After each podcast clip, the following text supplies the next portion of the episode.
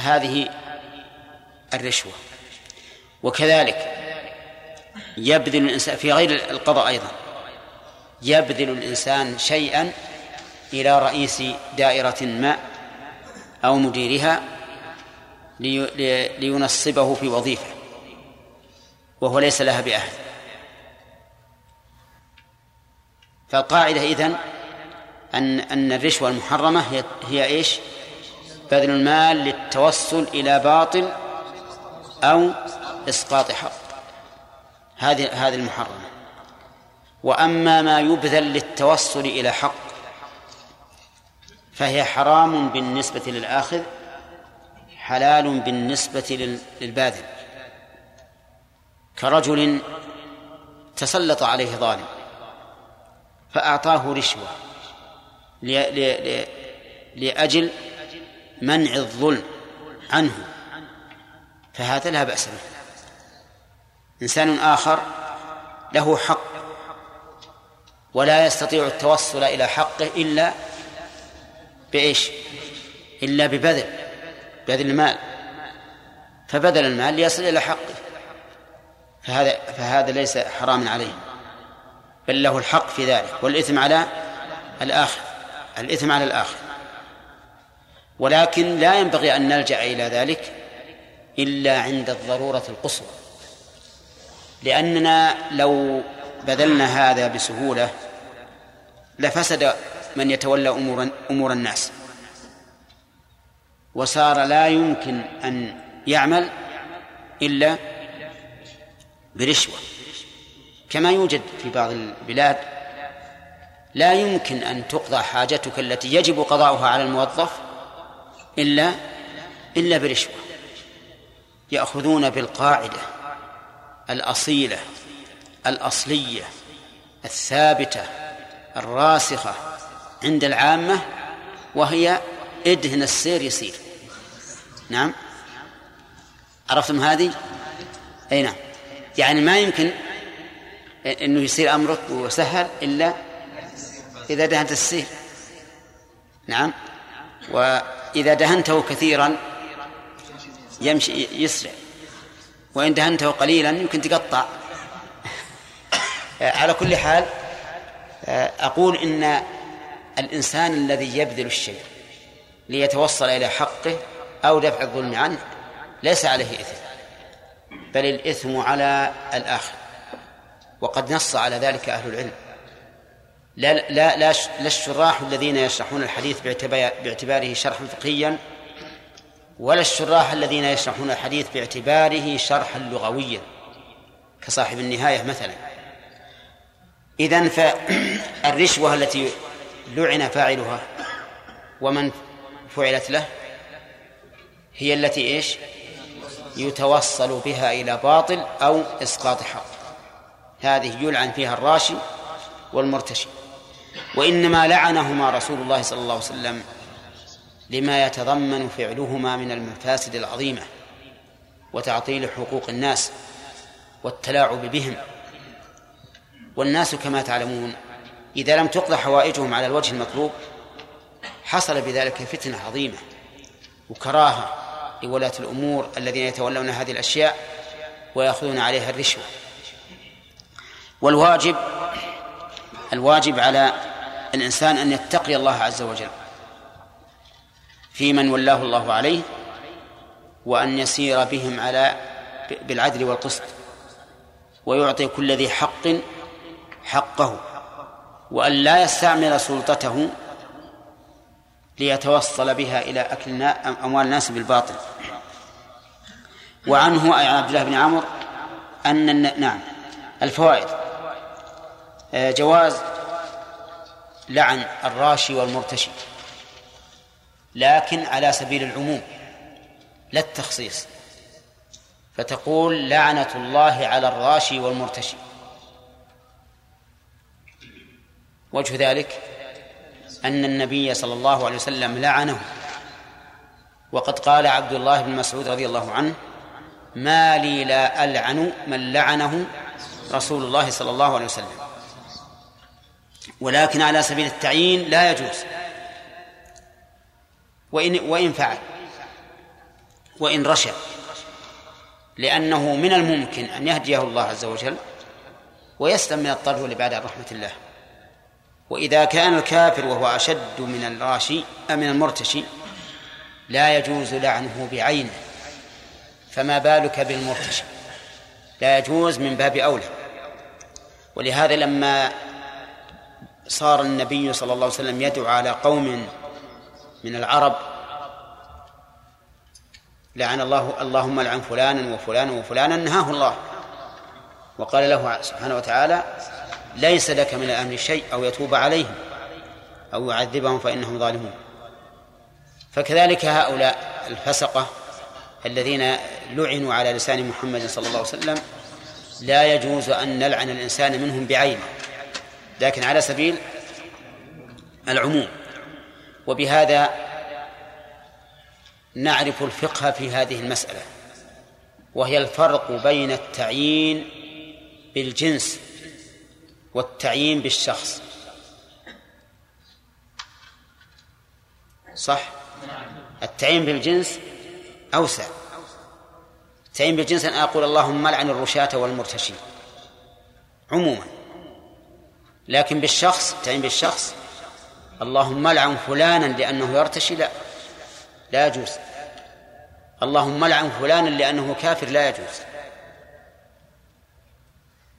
لا. لكن لو قلت لعنة الله على الكافرين. ها. جائز للعموم.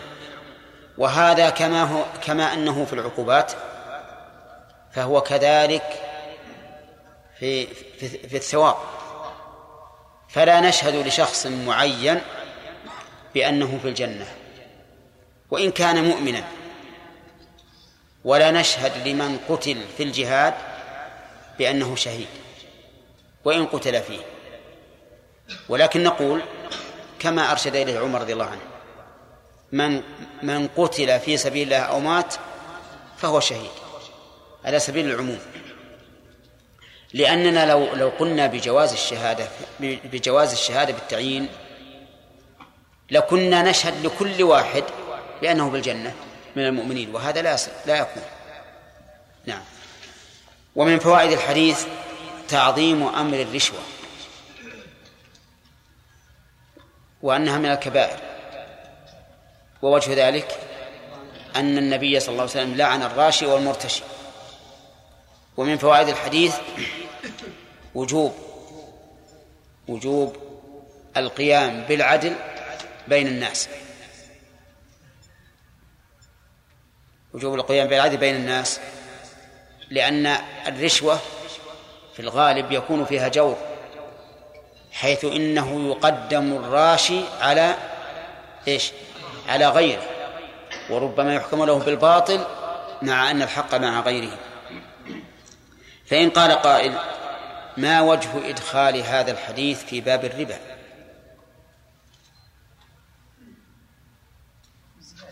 ها؟ ها. الجاء نعم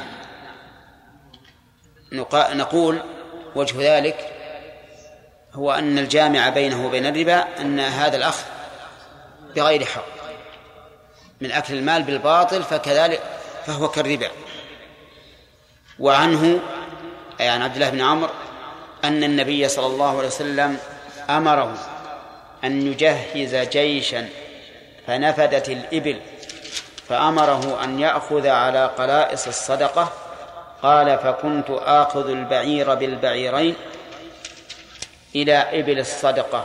رواه الحاكم والبيهقي ورجاله ثقات. قوله أمر أن يجهز جيشا. أمره النبي صلى الله عليه وسلم أن يجهز جيشا يعني يقوم بمصالح الجيش ويشتري حوائجه وينفذه. والجيش هو الطائفة من الجنود تتجاوز أربعة أربعمائة. تتجاوز أربعمائة. وقوله فنفدت الإبل. يعني الإبل المعدة للجهاد نفدت وانتهت. فأمره النبي عليه الصلاة والسلام أن يأخذ على قلائص الصدقة. قلائص جمع قلوص وهي الناقة وأضافها إلى الصدقة لأنها تجبى من أموال أهل, أهل الإبل ويؤتى بها إلى المدينة. فأمره أن يأخذ على قرائس الصدقة. قال فكنت آخذ البعير بالبعيرين إلى إبل الصدقة. آخذ البعير بالبعيرين. قرضا أو شراء؟ شراء. شراء قطعا. لأن النلبة هنا للمعاوضة. ومن المعلوم أن الربا لا يجوز أن الإنسان يعطي واحد ويأخذ اثنين. لأنه يكون ربا جر قرضا آه، نفعا. لأنه قرض جر نفعا وهو ربا. وقوله إلى إبل الصدقة أي إلى أن تأتي إبل الصدقة.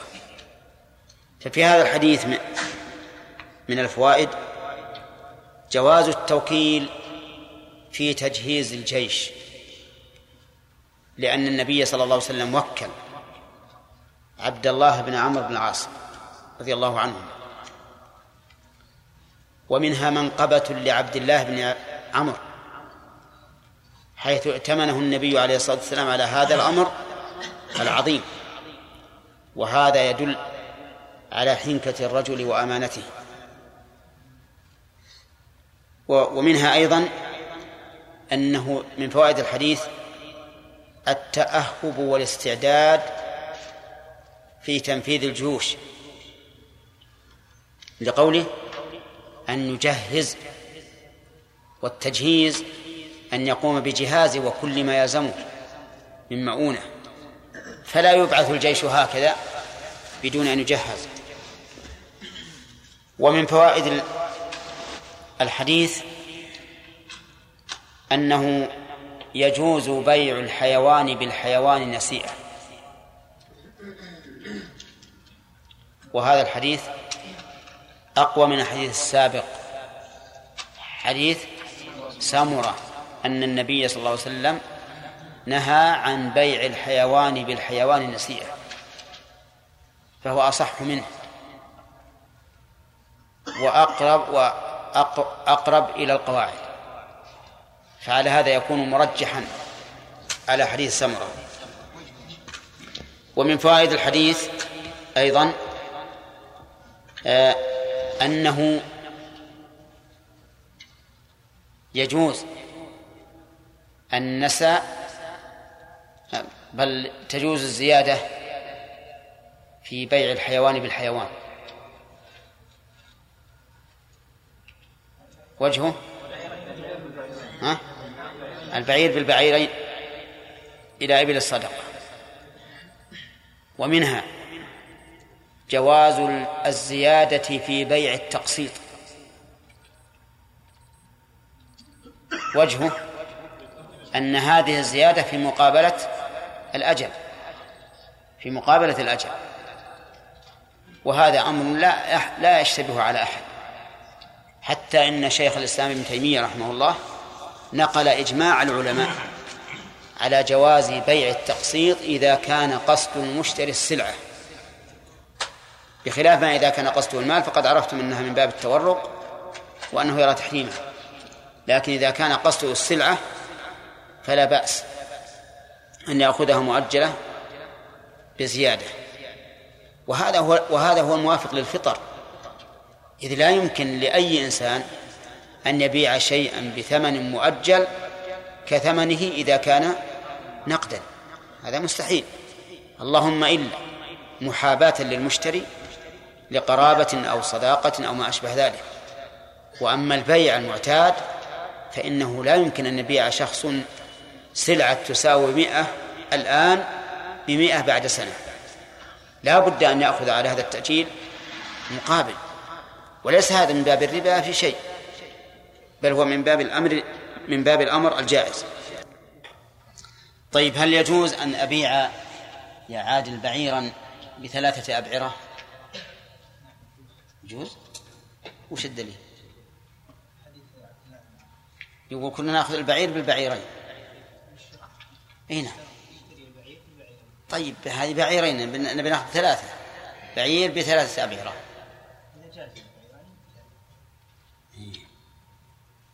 إيش تقولون؟ إذا جاز البعيران جاز الثلاثة والأربعة لأن جواز البعيرين يدل على أنه لا ربا بين الحيوان بيع بعضه ببعض. وعلى هذا فتجوز زيادة أكثر. طيب. ما رأيكم فيما لو لو لو, لو عامل الإنسان معاملة؟ فجاء شخص وقال له ما دليلك على جوازها هل طلب الدليل هنا صحيح؟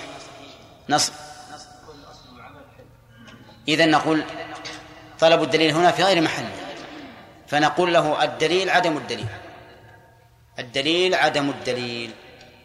لأن الأصل في المعاملات الحل حتى يقوم دليل على المنع. طيب. ثم قال وعن عبد الله بن عمر رضي الله عنهما هذا الدرس الجديد. وعن عبد الله بن عمر رضي الله عنهما قال نهى رسول الله صلى الله عليه وسلم عن المزابنة. المزابنة مفاعلة. وهذه الصيغة من الأفعال تدل على الاشتراك في الغالب. الغالب أن المفاعلة تدل على اشتراك بين اثنين فأكثر. كالمقاتلة والمجاهدة وما والمغارسة والمساقات وما أشبه وقد لا تدل على الاشتراك كالمسافرة. وقد سافر الرجل مسافرة وهو واحد ما ليس له طرف آخر. المزابنة من الأفعال المشتركة وهي مأخوذة من الزبن وهو الدفع فهي مبايعة مبايعة بين شخصين لكنها خصت بنوع خاص من البيوع. وإلا فإن جميع البيوع فيها مزابنة لأنها من الدفع. فالبائع يدفع السلعة والمشتري يدفع الثمن ولكنها خصت بنوع معين من البيوع. ولا مانع من أن يخصص المعنى العام بشيء أو في شيء من أفراده. المزابنة فسرها بقوله أن يبيع ثمر حائطه. وأن هنا مصدرية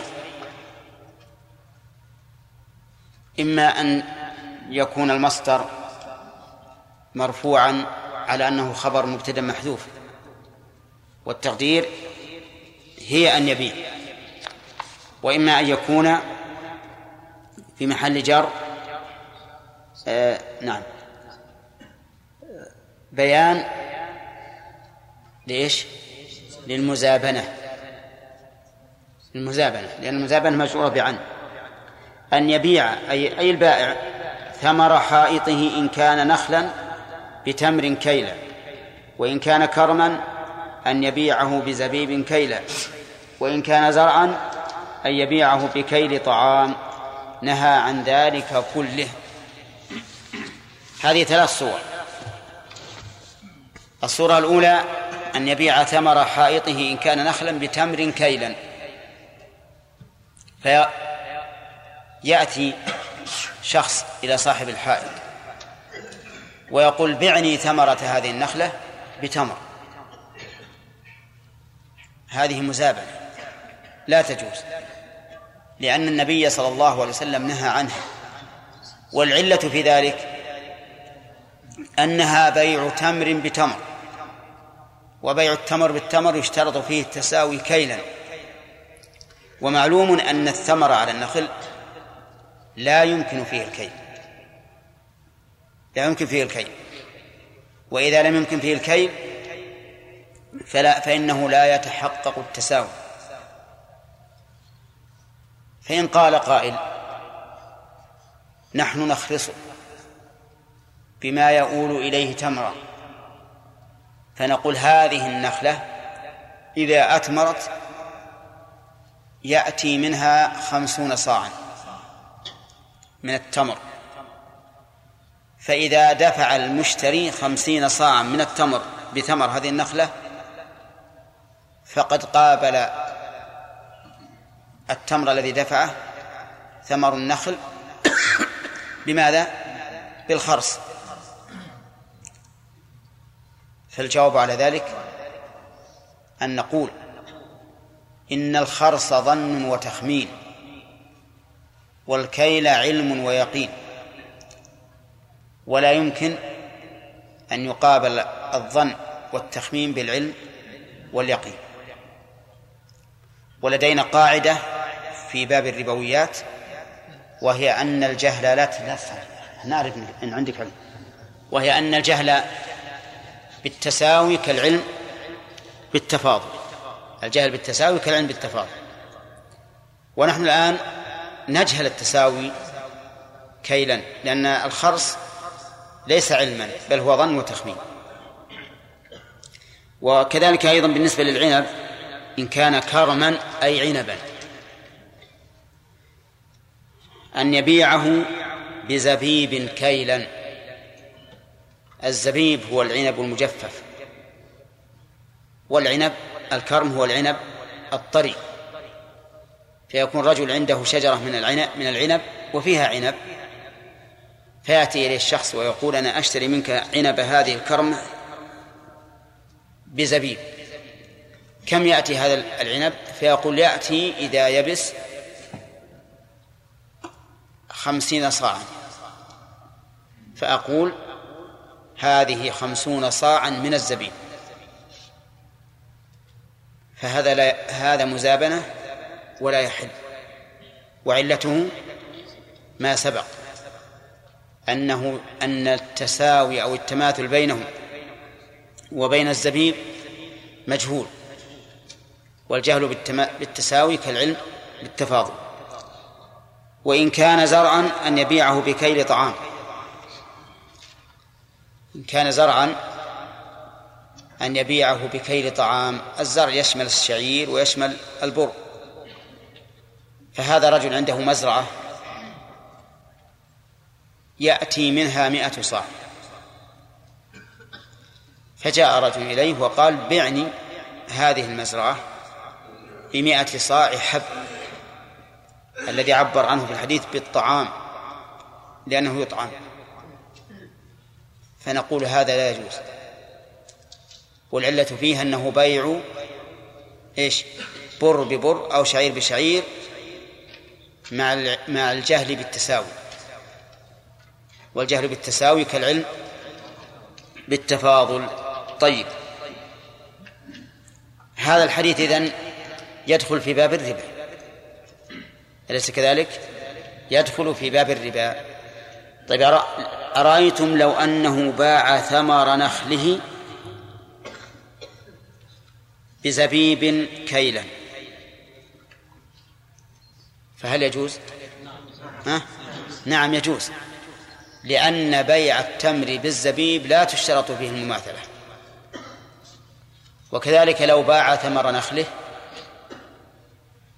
بطعام كيلا فإنه لا بأس به لأن هذا لا تشترط فيه المماثلة. طيب لكن إذا باع تمرا بزبيب أو بطعام ببر أو شعير فلا بد من ها لا بد من التقابل لاشتراكهما في الكيل. الذي الذي هو علة الربا. بل في الكيل والطعم والقوت. يستثنى من هذا الحديث ما ثبتت به السنة من العرايا في في ثمر النخل وكذلك في العنب على القول الصحيح. فلو أن إنسانا أراد أن يشتري ثمر نخل بتمر فإنه يجوز في في باب العرايا لكن بشروط. الشرط الأول أن لا يكون عنده نقد عند المشتري نقد. الشرط الأول أن لا يكون عند عند المشتري نقد. والشرط الثاني أن يكون محتاجا للرطب. يعني يريد أن يتفكه. ليس إنسانا لا يهمه أن يأكل تمرا أو رطبا. بل نفسه تشتاق إلى الرطب فهو بحاجة له. والشرط الثالث أن يكون في في خمسة أوسق فما دون أو فيما دون خمسة أوسق. والوسق ستون صاعا أي ثلاثمائة صاع. فإن زاد عليها فإنه لا يجوز. الشرط الرابع أن يكون الرطب في خرصه بمقدار ما يؤول إليه مساويا للتمر. بمعنى أن نقول هذا الرطب إذا يبس يأتي منه مئة صاع ويبدل بكم؟ بمئة صاع بدون زيادة. يعني أن يكون خرص الرطب بما يؤول إلى تمرا مساويا للتمر الذي دفع. الشرط الخامس أن أن يأكله رطبا. يأكله من؟ المشتري رطبا. فلو تركه حتى أتمر بطل البيع. اللهم إلا أن يدعه لعذر كأن يحال بينه وبينه هذا يعذر فيه. فبها فبهذه الشروط الخمسة يجوز بيع الرطب بالتمر. وإذا لم توجد هذه الشروط الخمسة فإنه لا يجوز. العنب كالتمر. العنب كالتمر لأن الناس يحتاجون إلى التفكه فيه. أما الزرع فلا. لأن الزرع مهما كان سوف يتحول إلى إلى حب ولا ينتفع به قبل أن يكون حبا. نهى عن ذلك كل متفق عليه. في هذا الحديث من الفوائد أولا أنه لا يجوز بيع الرطب بالتمر. كذا؟ ولا فرق بين أن يكون الرطب على رؤوس النخل أو إيش؟ أو قد خرف قد خرف وجني. ويستثنى من ذلك ما أشرنا إليه من من العرايا.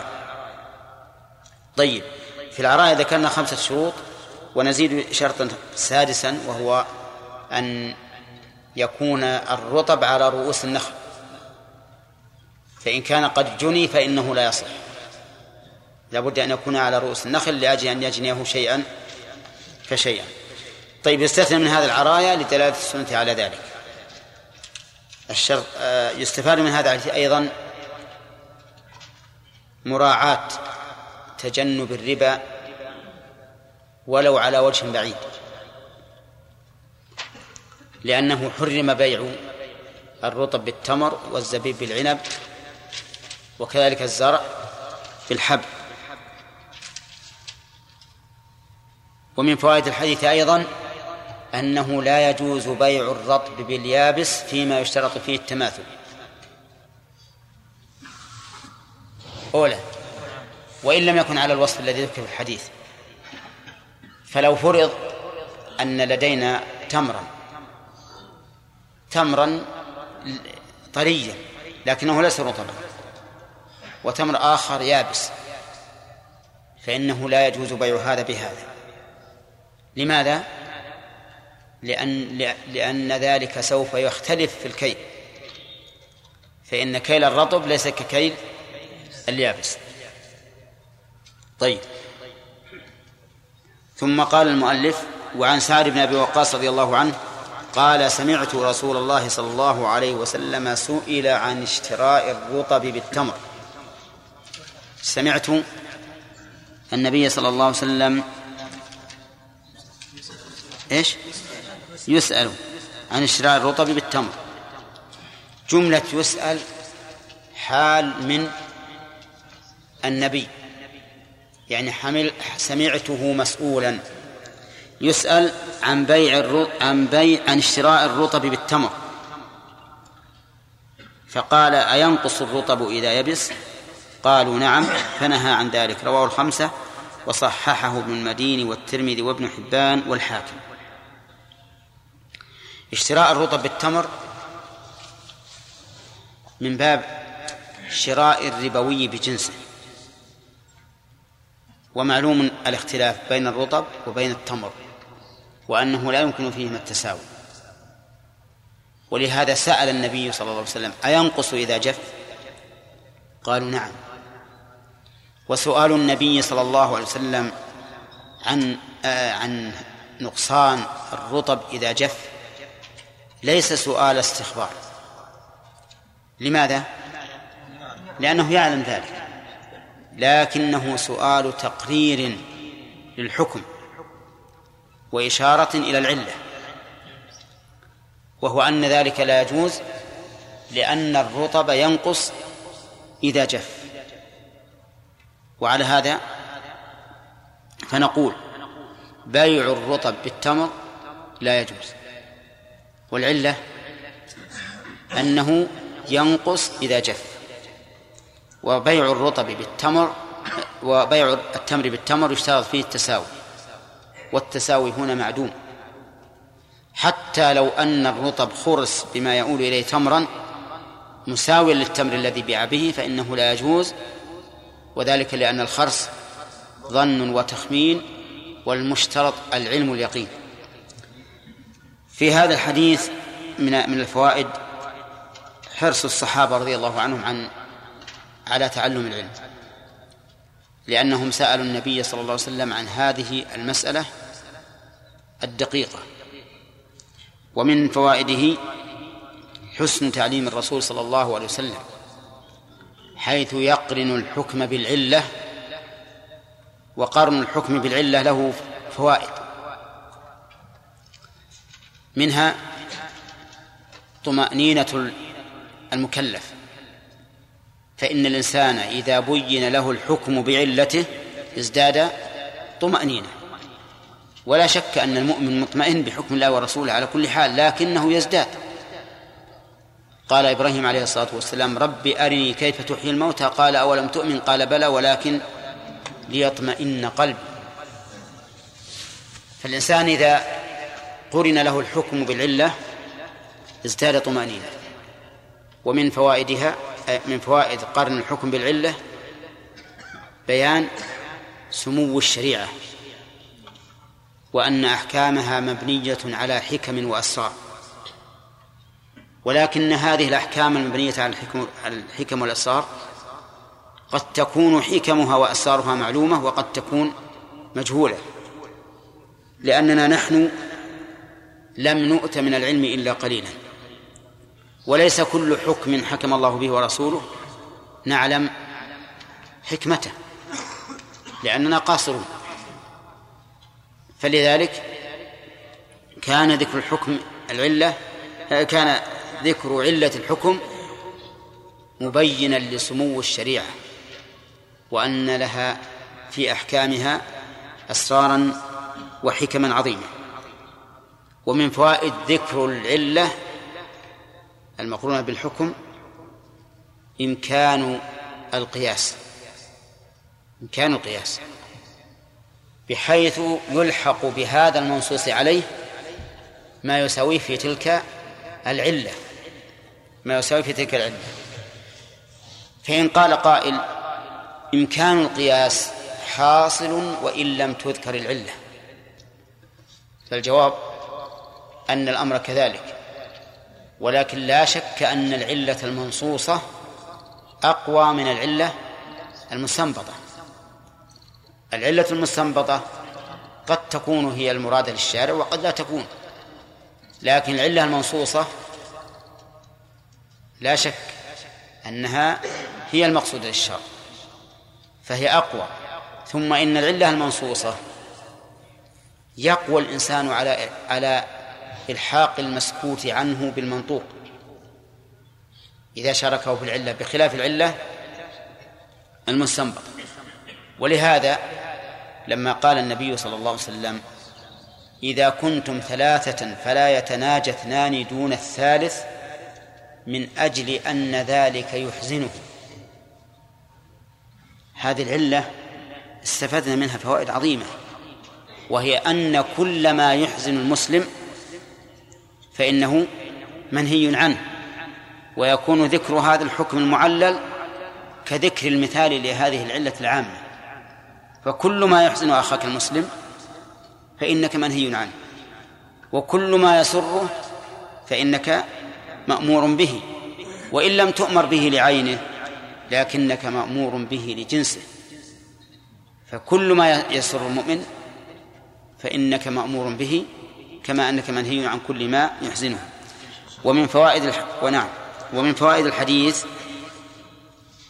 أن أن هذا الحكم أعني بيع الرطب باليابس من الربويات إذا كان من جنسه عام. في التمر بالرطب وغيره. وعلى هذا فيكون بيع الحب الرطب بالحب اليابس غير جائز لأنه سوف ينقص إذا جف نعم. نعم.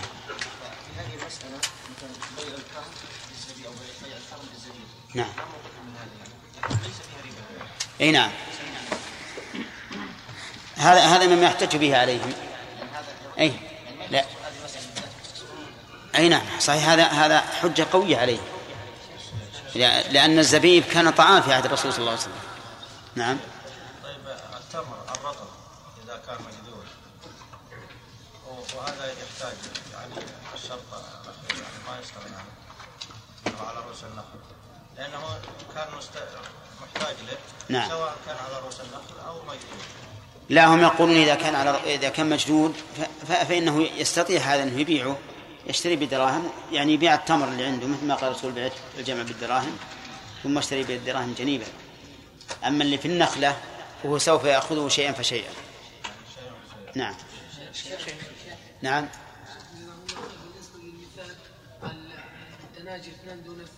إيش؟ اثنان دون الثالث فان كان يعلمان ان هذا لا يحزن الثالث هل نقول ان العله سقطت فلا شيء عليه؟ إي نعم. إي نعم. يعني مثل لو إنسان يطالع وعنده يتناجون. ما يهم. نعم. إن كان كرما. هذا يحتمل. الحقيقة أن هذا كنت يحتمل أن أنه من تفسير الرسول صلى الله عليه وسلم أو من تفسير الصحابي.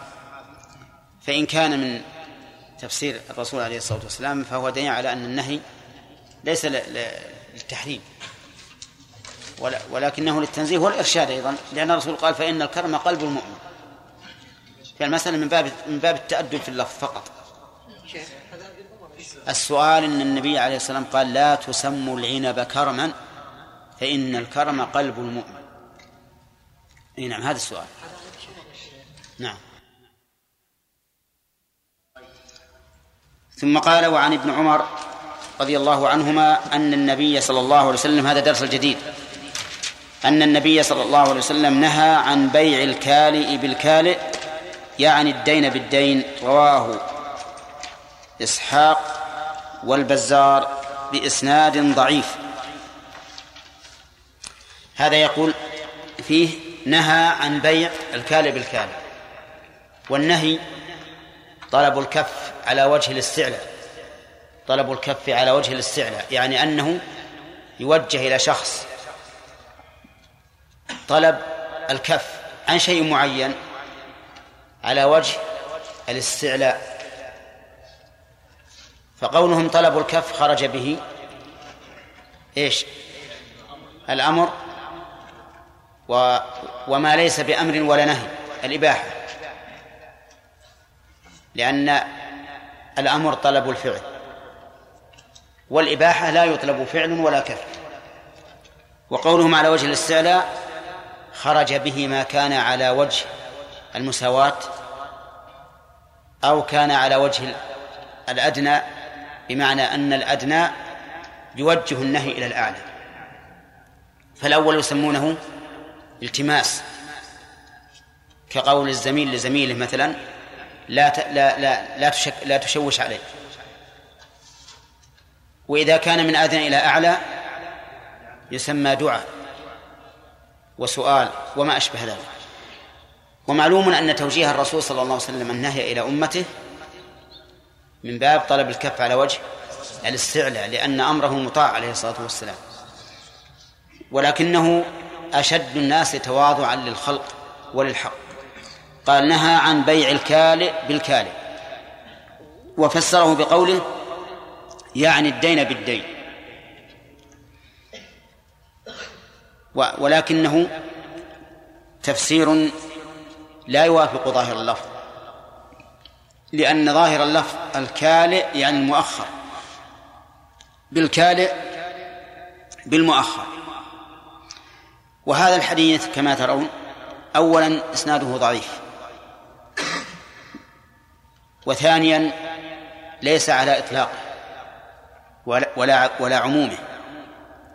وإنما يشمل صور معينة وهي التي يكون فيها شيء من المحذور الشرعي. وله صور. منها بيع الدين بالدين على الغير. مثل أن يحضر إلي شخص ويقول أنت تطلب فلانا مئة صاع, مئة صاع بر بعني إياه بمئتي ريال أسلمها لك بعد سنة. هذا لا يجوز. لماذا؟ لأن أولا لأنه بيع دين في ذمة الغير. قد يقدر على استلامه وقد وقد لا يقدر. وثانيا أن فيه ربحا فيما لم يضمن. فيه ربحا فيما لم يضمن. وقد مر علينا أن النبي صلى الله عليه وسلم نهى عن ربح ما لم يضمن. كيف ربح ما لم يضمن؟ لأن الدين الذي في ذمة الغير لي لم يدخل في ضماني. متى يدخل في ضماني؟ إذا استلمته. ومن المعلوم أنني إذا بعته مؤجلا فإنه سيزيد ثمنه لأنه ليس بيع المؤجل كبيع الحاضر وحينئذ بعت ما لم يدخل في ضماني وبعت ما ك... ما يكون مشكوكا في في في القدرة عليه. هذه صورة كذلك أيضا من بيع الدين بالدين أن يكون عند شخص لي مئة درهم أن يكون له عن... لي عنده مئة درهم. فتحل تحل المئة ويأتي إلي ويقول ما عندي شيء. ما عندي شيء. فأقول نجعل المئة بمئة صاع بر إلى سنة. فهذا لا يجوز لماذا؟ لأنه كما قلنا سوف يربح فيما لم يضمن سوف يربح فيما لم يضمن لأنه ليس ثمن الحاضر كثمن المؤجل فمئة صاع بر بمئة درهم مثلا اللي في ذمتي مئة درهم وأنا بعته بمئة صاع بر يمكن لو بعته بحاضر لا. لا أحصل بمئة درهم إلا كم؟ إلا تسعين صاعا. والآن أنا بعته بمئة. فربحت فيما لم يضمن. ولأنه يؤدي إلى قلب الدين بهذه الحيلة. قلب الدين على المدين بهذه الحيلة. كيف ذلك؟ لما حلت حل الأجل لمائة الدرهم جعلناها بمئة صاع إلى سنة. فحلت السنة وليس عنده بر سأقول تكون بمئة, بمئة صاع شعير مثلا. أو أقول بعت مئة صاع بر تكون بمئة, وعشرين درهم. وحينئذ يؤدي إلى إيش؟ إلى قلب الدين. وتك و ويكون ذلك شبيها بما نهى الله عنه في قوله يا أيها الذين آمنوا لا تأكلوا الربا أضعافا مضاعفة وقد يكون أيضا من صوره أن يبيع الإنسان ما في ذمة الغير المعسر على شخص آخر. بدراهم أقل. ففي ذمة هذا الفقير لشخص ألف درهم. فيأتي فيأتيه إنسان ويقول بيعه علي بخمسمائة درهم وأنا أحظي مع هذا الفقير. فهذا أيضا لا يجوز لأنه أولا بيع دراهم بدراهم بدون قبض والثاني بيع شيء بيع شيء لم يدخل في ضماني والثالث أنها شبيهة بالميسر. كيف الميسر؟ الميسر لأن هذا الذي اشترى هذه الألف بخمسمائة إن قدر عليها فهو ها؟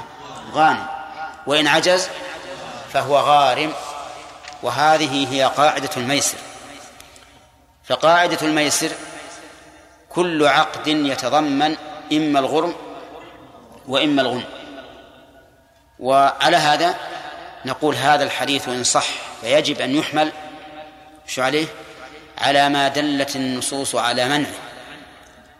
لا على كل دين بدين. طيب. والم... و... وعلى... وبناء على ذلك لو اشتريت منك مئة صعبر بمئة درهم ولا حضرنا لا الدرهم الدراهم ولا البر فإن ذلك على القول الراجح جائز ولا بأس به لأن كل منها غير مؤجل. بل هو حاضر وليس فيه محذور إطلاقا. وعمل الناس الآن على هذا. يجي الإنسان يشتري من شخص طعام رز أو سكر أو بر أو اللي هو بدراهم لا يسلمها له في الحال في الحال. فهو بيع دين بدين لكنه جائز لأنه ليس فيه محذور ليس فيه محذور إطلاقا. لا جهالة ولا غرر ولا ربا. والأصل في العقود الحل إلا ما قام الدليل على منعه. وهذا لم يقم الدليل على منعه لأن الحديث هذا ضعيف ولأنه يصدق ولو بصورة واحدة. يعني إذا صدق النهي ولو بصورة واحدة كفى. وعلى هذا نعم كفى لأن لدينا أدلة تدل على أن الأصل هو الجواز. فإذا صح الحديث حمل على الصور التي يعلم منعها بالأدلة الأخرى.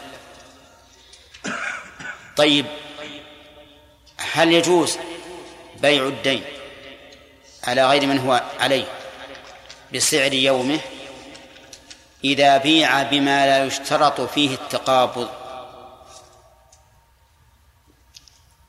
أو لا يجوز؟ مثاله رجل عنده لي مئة صعبة مئة صعبة فجاءني شخص وقال بعها علي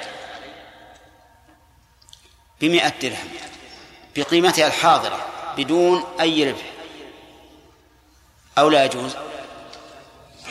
في هذا خلاف بين أهل العلم. منهم من قال لا يجوز لأن هذا ليس ليس عندك. وقد نهى النبي صلى الله عليه وسلم عن بيع ما ليس عنده. ومنهم من قال بالجواز. لكن إن قدر على قبضه تم البيع. وإلا فله الرجوع.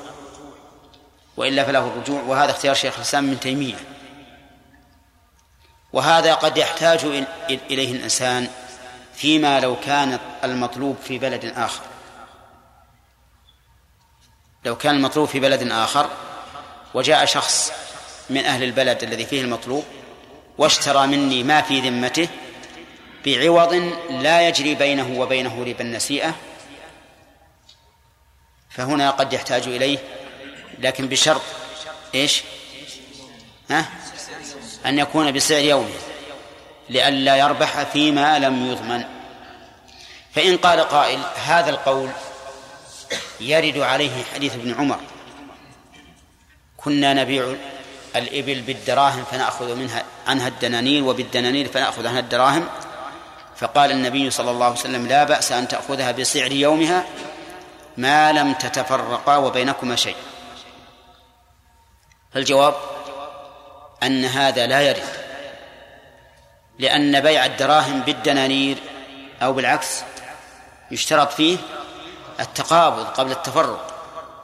وهذا وبيع الدراهم بالدنانير ولو كان حاضرا بحاضر لا بد فيه من التقابض قبل التفرق لقول النبي صلى الله عليه وسلم إذا اختلفت هذه الأصناف فبيعوا كيف شئتم. أما صورتنا التي ذكرنا فهي بيع شيء بآخر لا يجري بينهما ربا النسيئة. ولكن لا شك أن الاحتياط الأخذ بالقول الثاني وهو أن لا يبيعه حتى يقبضه. لأنه إذا فتح هذا الباب فربما يتبايع الناس ديون ديونا لا يرجى حصوله. ويكون هذا من باب إيش؟ من باب الميسر. وربما يبيعون ديونا يرجى حصولها لكن بربح. بربح. وكل هذه من المحظورات الشرعية. فالأولى والاحتياط الأخذ بالمنع. وأن لا يبيع الإنسان دينا في ذمة غيره. حتى يقبضه. نعم. ثم قال المؤلف باب الرخصة في العرايا وبيع الأصول والثمار. نعم. فوائد الحديث ذكرناها في فيما ذكرنا من الصور.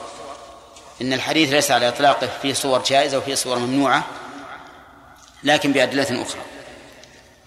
وأما الباب الذي ذكر باب الرخصة في العرايا وبيع الأصول والثمار. الرخصة في اللغة بمعنى السهولة. بمعنى السهولة.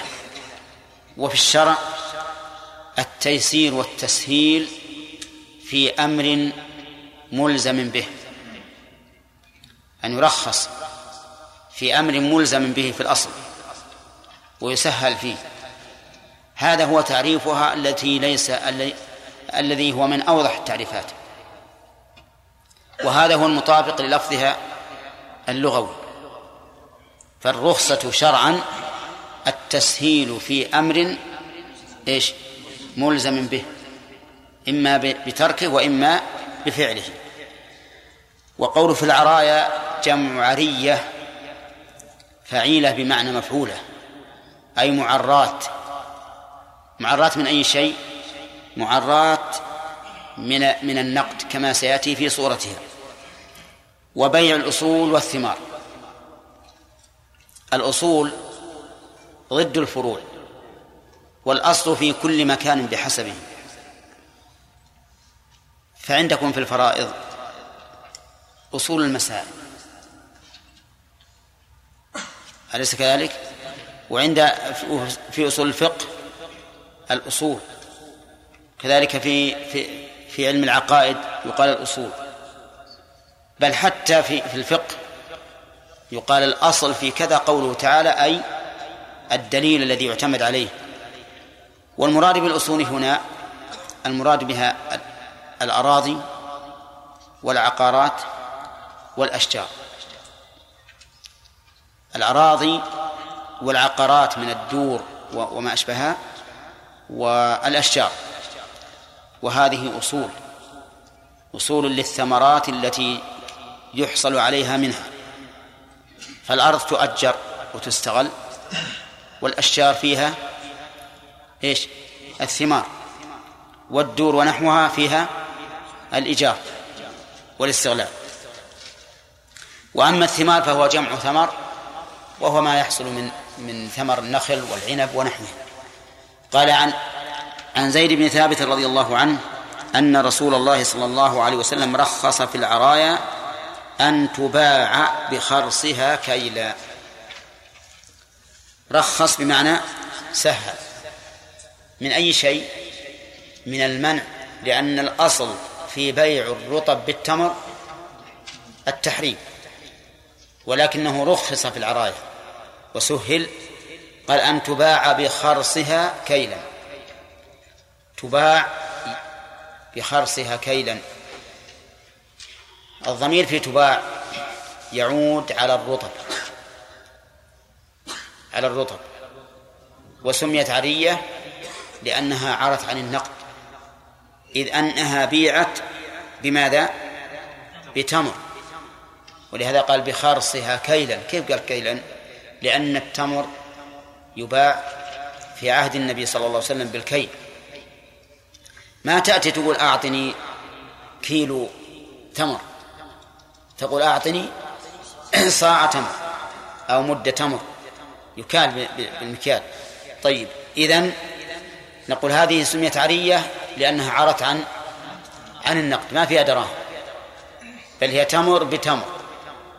لكن هذه رطب وهذه تمر يابس. قول بخرصها. الخرص معناها التقدير. التقدير والتخمين. ولا بد أن يكون من عالم به. لا بد أن يكون الخرص من عالم به. لا من أي واحد من الناس لأنه فن يعرفه أصحابه. ولا يصح أن يكون الخرص من أي واحد.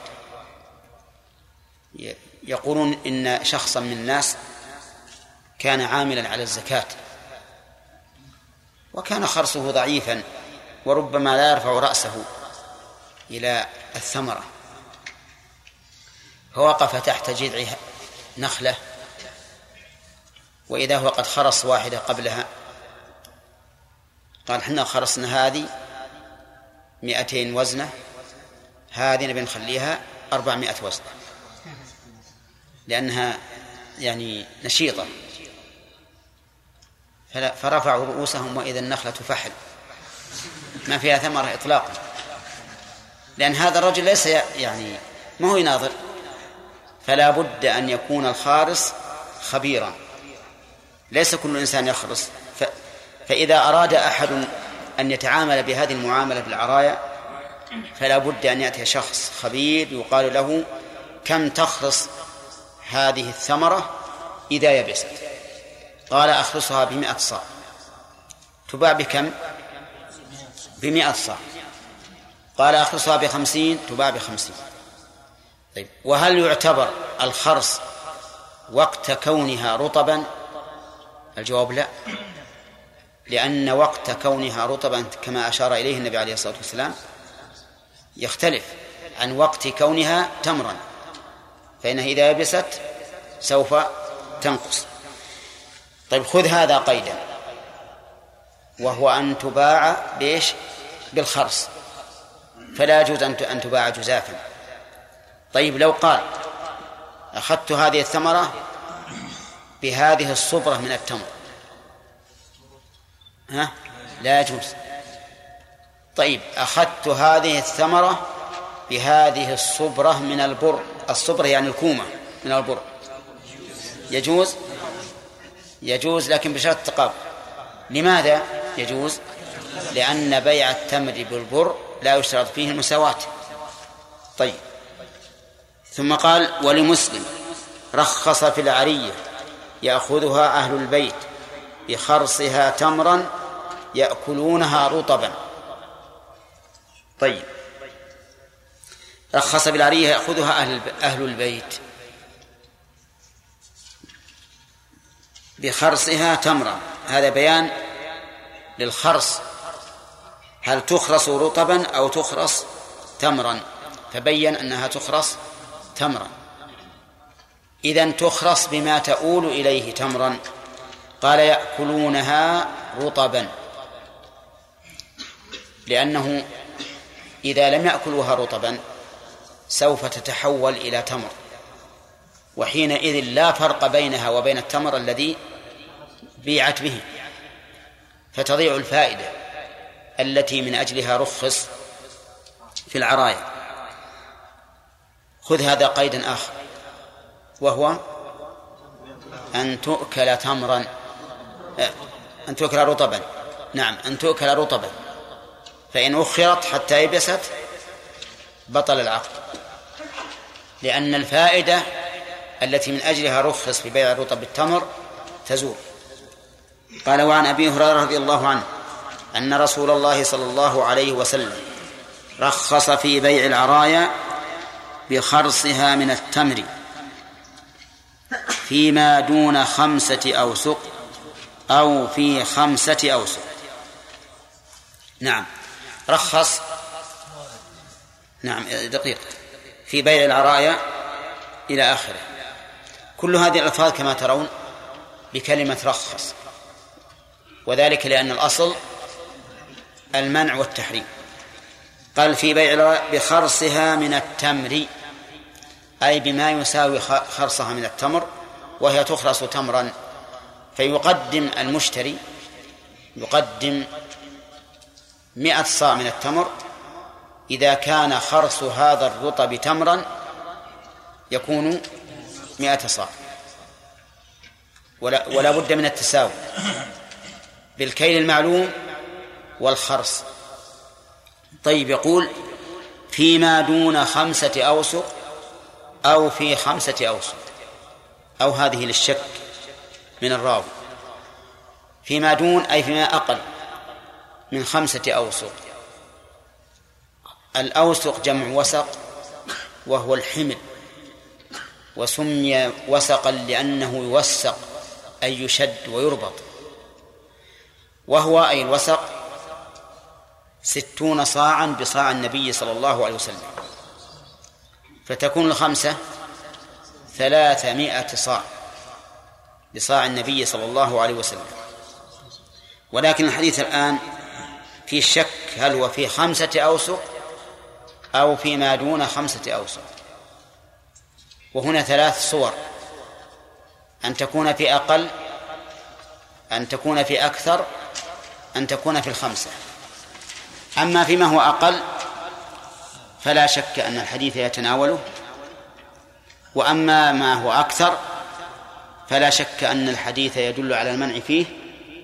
وأما ما كان خمسة أوسق فهو محل شك. فهو محل شك. وما هي القاعدة في مثل هذا؟ القاعدة في مثل هذا أن نحول المشكوك فيه إلى الشيء المتيقن. والشيء المتيقن في هذا أن بيع الرطب بالتمر لا يجوز. هذا هو الأصل. فيبقى فتبقى الخمسة مشكوكا في جواز بيعها فيها هل تجوز أو لا. والأصل ها؟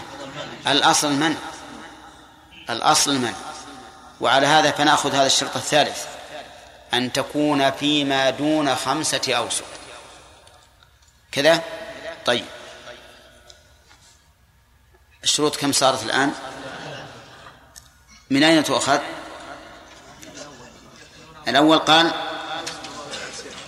أن تباع بخرصة. الثاني أن يأكلوها رطبا. الثالث أن تكون فيما دون خمسة أوسط طيب. دقيقة. الرابعة التساوي بين الرطب والتمر لكن بما يؤول إليه الرطب. يعني ما نخصها ونقول مثلا مئة بتسعين لا بد أن من التساوي. الخامس أن يكون المشتري محتاجا إلى الرطب.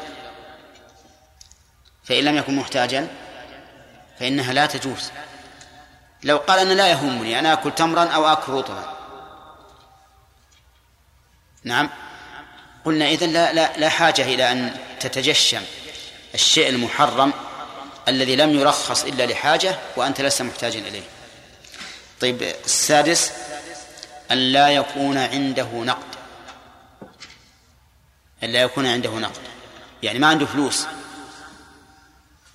هكذا قال العلماء. ولعل مرادهم أن لا يكون عنده عوض غير التمر. لا يكون عنده عوض غير التمر. بمعنى أنه إن كان عنده بر مثلا أو شعير فإنه لا يحتاج إلى أن يبي إلى أن يشتريها بتمر. السابع التقابض. التقابض بين الطرفين. ولكن كيف يكون؟ أولا ما هو الدليل على اشتراط التقابض؟ الدليل على ذلك أن الأصل في بيع التمر بالتمر أن أن لا يك... أنه لا بد فيه من من الشرطين التساوي والتقابل التساوي هنا عرفنا أنه رخص فيه والتقابض لم يرخص فيه. فيبقى إيش؟ يبقى على الأصل. وعلى هذا فلا بد من التقابض. وكيف يكون التقابض؟ قال العلماء أما في النخل فبالتخلية وأما في التمر فبالكيل. الكيل والأخذ التمر مبذول من من البائع ولا من المشتري؟ من المشتري. لا بد أن يكال ويستلمه البائع. الرطب قبضه بالتخلية. كيف بالتخلية؟ أن يقول البائع للمشتري هذه النخلة وثمرتها لك. يخلي بينه وبينه. يخلي بينه وبينها طيب الشرط الثامن أن أن تكون على رؤوس النخل. أن تكون على رؤوس النخل. لأنه هكذا جاء في الحديث. على رؤوس النخل فإن كانت قد جذت فهل تجوز أو لا تجوز؟ الجمهور أنها لا تجوز لأن الفائدة التي من أجلها رخص فيها تزول إذ أنه رخص فيها من أجل أن يأخذها المشتري إيش؟ رطبا شيئا فشيئا لكن ينزل له أربعة أوسق رطب ما ما يستفيد. قال بعض الناس ربما يكون عنده ثلاجة ويستفيد. نقول بدل من أنه يخليه في الثلاجة ويخسر عليه الكهرباء وربما تفسد الثلاجة أو يطفي الكهرباء ويفسد عليه التمر يخليها على رؤوس النخل. أحسن وأولى. لهذا هذا الشرط لا بد منه أن يكون على رؤوس النخل. فإن قال قائل طيب إذا كان هذا الفقير أتى بشيء قليل كصاع مثلا واشترى به رطبا يؤول إلى صاع إذا صار تمرا من أجل أن يقدمه إلى ضيوف عنده. فهل ترخصون له في ذلك؟ أما فهمت الصورة ها؟ يعني إنسان عنده ضيوف الآن محتاج إلى مقدار صاع من من الرطب. وليس عنده دراهم لكن عنده تمر. فذهب إلى صاحب الدكان واشترى منه بهذا التمر هذا الرطب. هل تجيزون ذلك أو لا؟ نقول قال على رأي جمهور العلماء لا نجيزه على رأي جمهور العلماء لا نجيزه لأنهم يشترطون أن يكون على رؤوس النخل. ولكن لو قال قائل إن اشتراطه على رؤوس النخل فيما إذا كان غرض المشتري أن يأخذه شيئا فشيئا. أما إذا كان غرض المشتري دفع حاجته الحاضرة فالظاهر أنه لا بأس به. لا بأس به. لا سيما إذا تعذر أو تأخر بيع هذا التمر بدراهم ثم يشتري بالدراهم رطبا.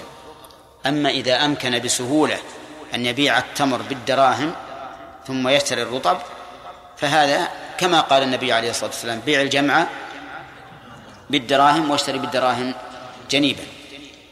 فصارت الشروط الآن ثمانية ثمانية وفوائد الحديث نخليها في الدرس القادم لأنه أتوقف الأسئلة. نعم. اتحاد النوع بين التمر لا ليس بشرط. لو باع لو باع سكري مثلا بشقر ما في بأس. نعم. إي ما يضر الجهد. لا لابد من التساوي ولو اختلف النوع. نعم. خمسة أوسط إلا واحد أي نعم. ما في مانع ما دام دون خمسة أوسق سواء قلت دون أكثر أو كثر ظاهر الحديث هكذا. نعم. شاكر. لو اشترى يا شيخ الرطب بالتمر عارية. وقع عند الرطب إلى أن تحول إلى تمر يعني كان يأكل جزء جزء ولكن بقي جزء تحول إلى تمر ما هو قلنا على رؤوس النخل. نعم يا شيخ أخذ منه ها؟ المشتري أخذ الرطب. نعم. وأراد أن يأكله فأخذ فترة إلى أن إلى أن انتهى منه فتحول إلى تمر هذا لا بأس به ما في مانع. ما دام إنه ما ما تحول إلى تمر في رؤوس النخل لأنه ربما يأخذ مثلا كميه على أنه سيأكلها. ولكن ما حصل ان ياكلها يعني لا بأس. نعم خالد. يقول إذا كان صاحب البستان يتضرر بدخول هذا المشتري إلى بستانه كل حين ليأخذ ما في النخل. فقال خذه جميعا واذهب به. ما يحصل. ما يمكن نعم. طيب ما هو هو راض به. هو عارف إن هذا المشتري ما اشترى إلا بجده يبي يجنيه كل يوم بيوم. نعم. خمسة أوسق أو كما دون يعني بعدين استهلك انه بعض ما يجوز يتصرف بعض بعضهم يعني إلا أي ما في مانع. ما في مانع أن يهدي ويبيع ليش قاعد نعم. نعم. مهند يعني جوزناه في العراض كان بعض البلاد مثلا عندها هذا هذا سلمك الله يكون إن شاء الله في الفوائد. نعم. إيش؟ ما بدنا به زين. بسم الله الرحمن الرحيم. الحمد لله رب العالمين والصلاة والسلام على نبينا محمد وعلى آله وأصحابه أجمعين. في حديث زيد بن ثابت رضي الله عنه من الفوائد أولا ما أولا الدلالة على على ما ذكره العلماء من أن المشقة تجلب التيسير. المشقة تجلب التيسير وهذه مأخوذة من عدة نصوص. منها قوله تعالى لا يكلف الله نفسا إلا وسعها. وقوله فاتقوا الله ما استطعتم. وقوله ما جعل عليكم في الدين من حرج. فلما شق على هذا ترك الرطب يسر الله له بجواز شرائه. بماذا؟ بالتمر. فالمشقة تجب التيسير. ومن فوائد الحديث الدلالة أيضا على القاعدة العامة أن الدين الإسلامي لم يكن فيه حرج لا في العبادات ولا في المعاملات لا في العبادات ولا في المعاملات. فإذا تعذر على الإنسان إلا أن يتعامل بهذه الصفة فإنه من قواعد الشريعة أن يتيسر أن ييسر له الأمر. ولكن التعذر لا بد أن يتحقق. طيب ومن فوائدها من فوائد الحديث ما أشار إليه ابن القيم رحمه الله أن ما حرم تحريم الوسائل فإن الحاجة تبيحه دون الضرورة. يعني أن القاعدة في المحرم أنه لا يباح إلا عند الضرورة. بشرط أيضا أن تنتفع أن تندفع ضرورته به.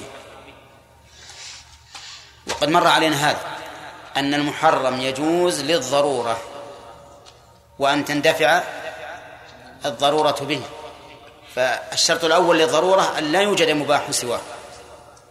الشرط الثاني أن لا يمكن اندفاع الضرر بدون فعله. فإن أمكن فنعم لا. الشرط الثاني أن تندفع ضرورته به. فإن لم تندفع ضرورته به فإنه لا يحل. ولهذا حرم التداوي بالشيء المحرم. لماذا؟ لأنه لا ضرورة إليه لجواز أن يشفى المريض بدونه.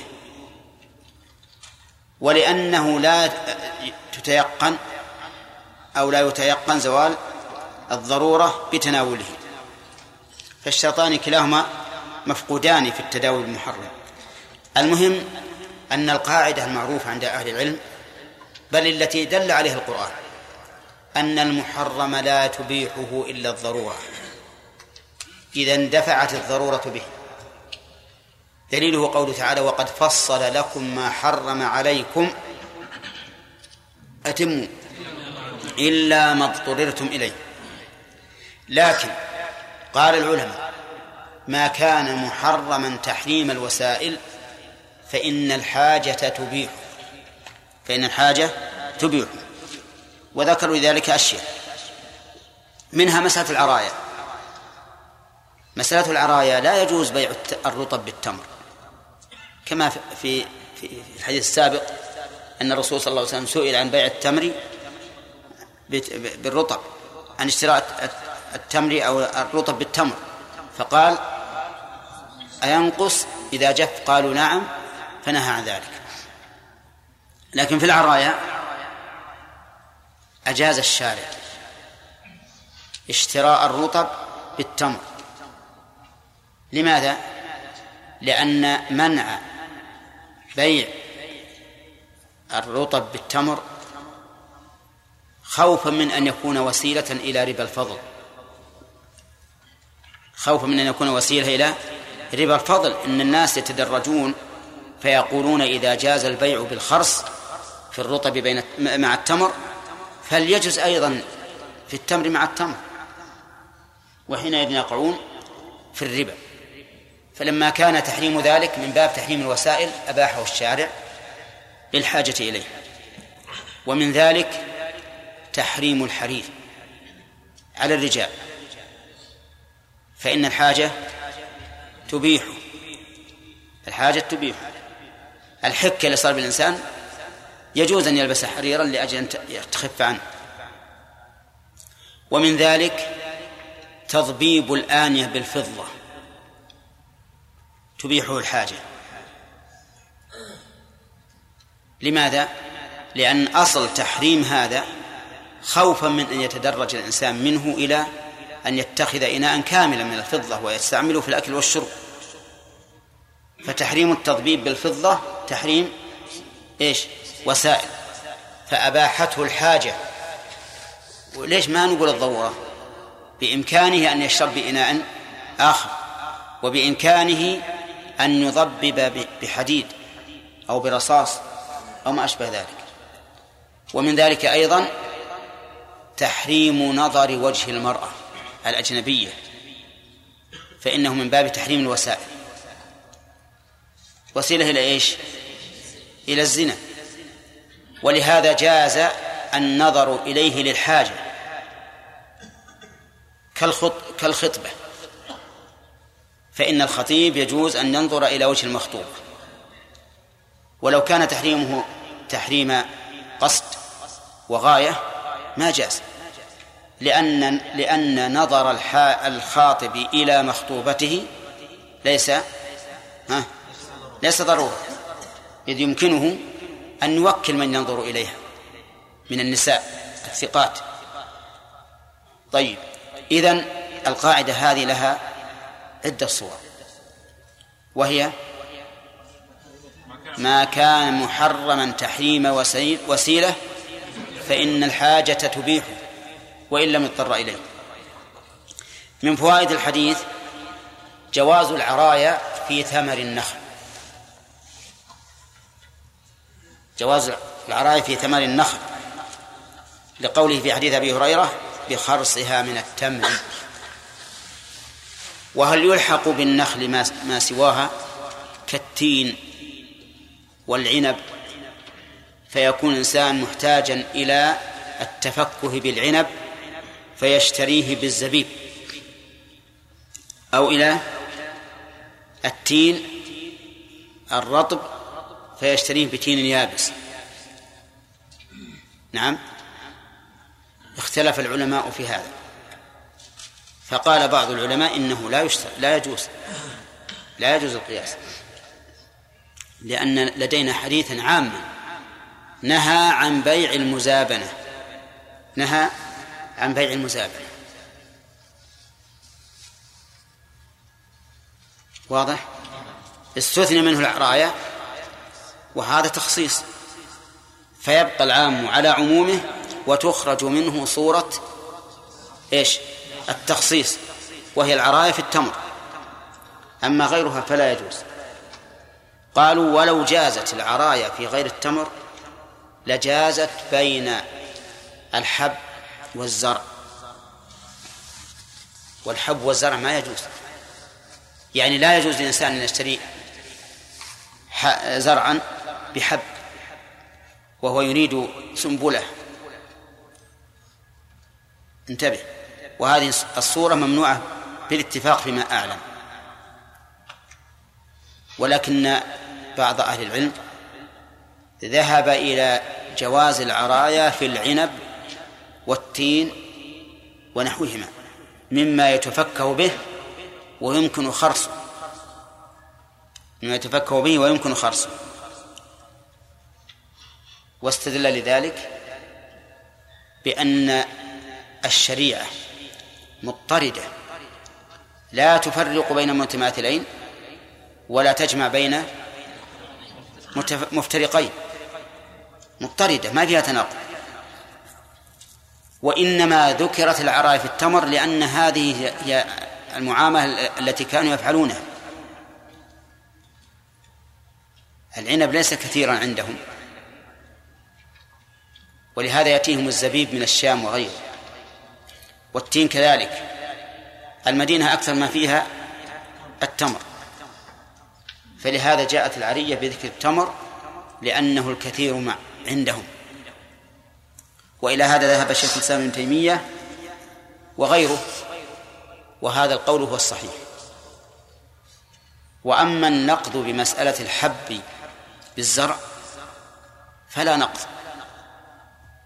ما في نقض لماذا؟ لأن الحب في السنبل خفي ولا يمكن خرصه ولهذا لم تأتي السنة بخرص الزروع على أهلها لإخراج زكاتها.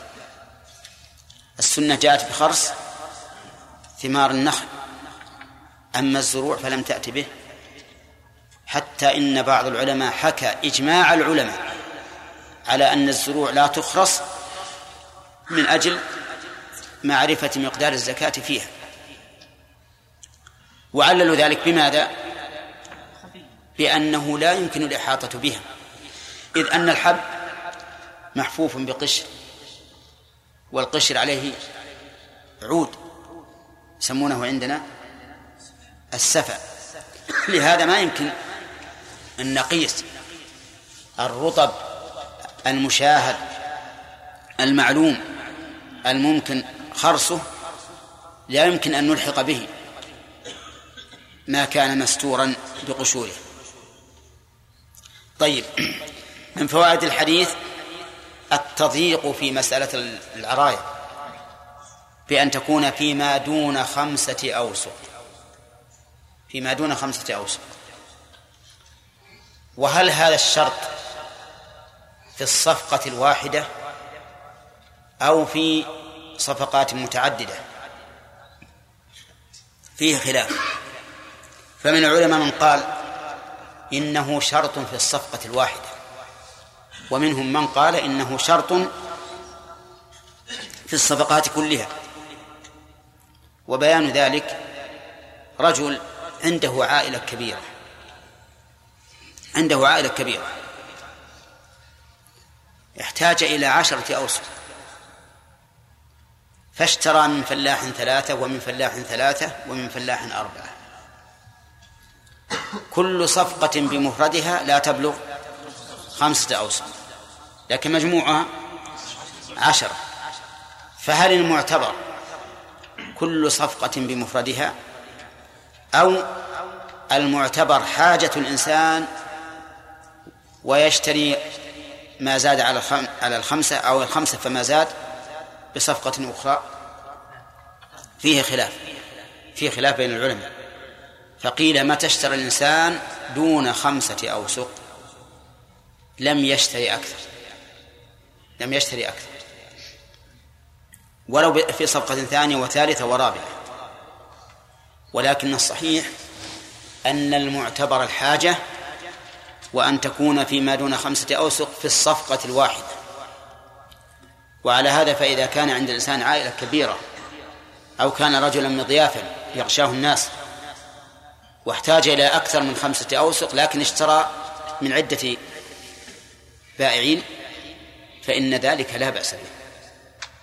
ودليل والدليل أن الرجل لو اشترى دون خمسة أوسق ثم أكلها هل يشتري؟ أخرى أو لا يشتري؟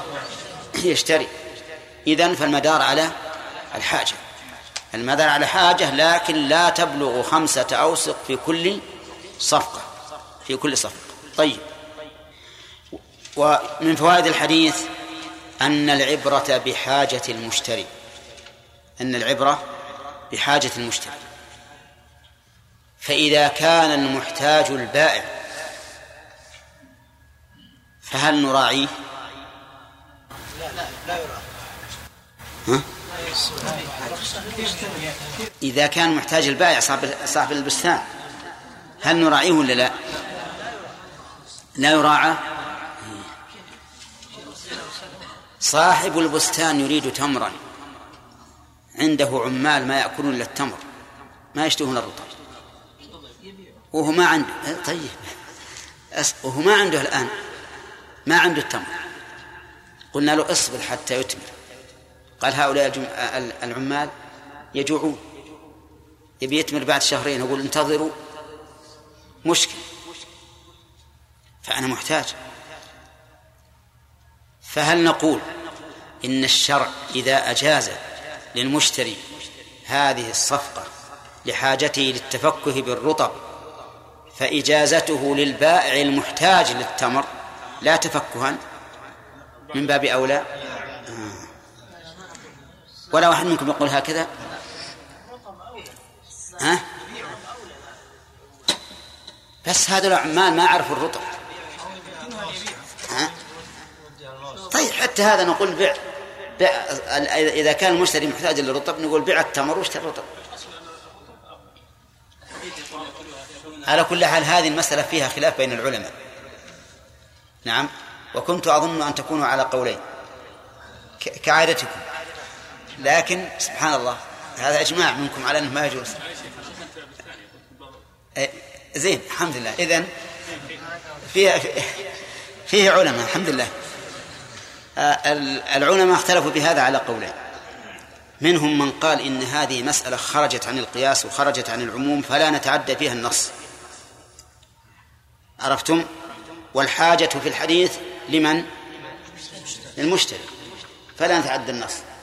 ومنهم من قال إن الشارع لا يفرق بين حاجة المشتري أو حاجة البائع وإذا كانت تجوز للمشتري من أجل التفكك بالرطب فجوازها للبائع من أجل حاجته للتمر من باب من باب أول. نعم. والمسألة لا شك إن أنها تعارضها المعنيان أو تجاذبها الدليلان.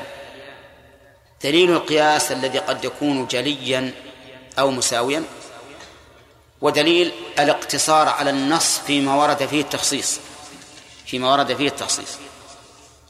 طيب. على كل حال فيها قولان. وما دمتم أنتم الآن في عندكم قولان؟ في هذه المسألة؟ فهذا ما ما, ما اقوله لكم. طيب. زين. والله أنا متردد عند فيها. متردد. قد نقول إن هذه مسألة خرجت عن العموم وعن القياس فيقتصر فيه فيها على ما ورد به النص. وإن كان هذا ستنقضونه علي في مسألة العنب والتين. المهم. وقد أق... نعم نعم. وقد أقول بأن الرخصة يستوي فيها البائع والمشتري. والإرادة اللي الذي أوردته صحيح. يعني فيه لا شك أنه قد يكون أن أن البائع هذا صاحب النخل محتاج إلى تمر. يحتاج إلى تمر. عمال عنده لو دعي أما هو محتاج ولا هم محتاجين العمال؟ يمكن لو أعطاهم الرطب يبدأ العامل يأكل ثلاث رطب جميع ما ولا يبالي. لأن الرطب لين نعم وإذا عامل تعبان وياكل الكثير. ولو جيت تمرة فيها يبوسة يقعد يمضاخ شوي. نعم حتى يخف الأكل عليه. على كل حال إن, إن هذه الحاجة واردة. واردة. لا لا ما هي أقوى ما هي أقوى. لأن التمر بتمر ما في فرق. بس هذا طيب وهذا ردي. طيب. المهم اعرفوا هذا الخلاف الآن وأن كل واحد من القولين له معنى يجذبه. طيب. فيه فيه أيضا من فوائد هذا الحديث أنه إذا تعذر اليقين رجعنا إلى غلبة الظن. وهذه قاعدة معروفة في الفقه. إذا تعذر اليقين رجعنا إلى غلبة الظن. من يعرف ما أخذها لأننا لا نستطيع أن نعرفها يقينا آه، كيدا. نخلصها فرجعنا إلى الظن. صح. اعتبار الخرص وهو أمر ظني من أجل تعذر إيش؟ اليقين. وهذا أمر مضطرد. أنه إذا تعذر اليقين رجعنا إلى غلبة الظن. كذا ولا لا؟ طيب. ولكن هل الرجوع إلى غلبة الظن أمر مضطرد ولا إيش؟ يعني أحيانا نقول ارجع إلى غلبة ظنك وأحيانا نقول لا بد من اليقين. أحيانا نقول لا بد من اليقين. فالظاهر لي بعد التتبع بعض المسائل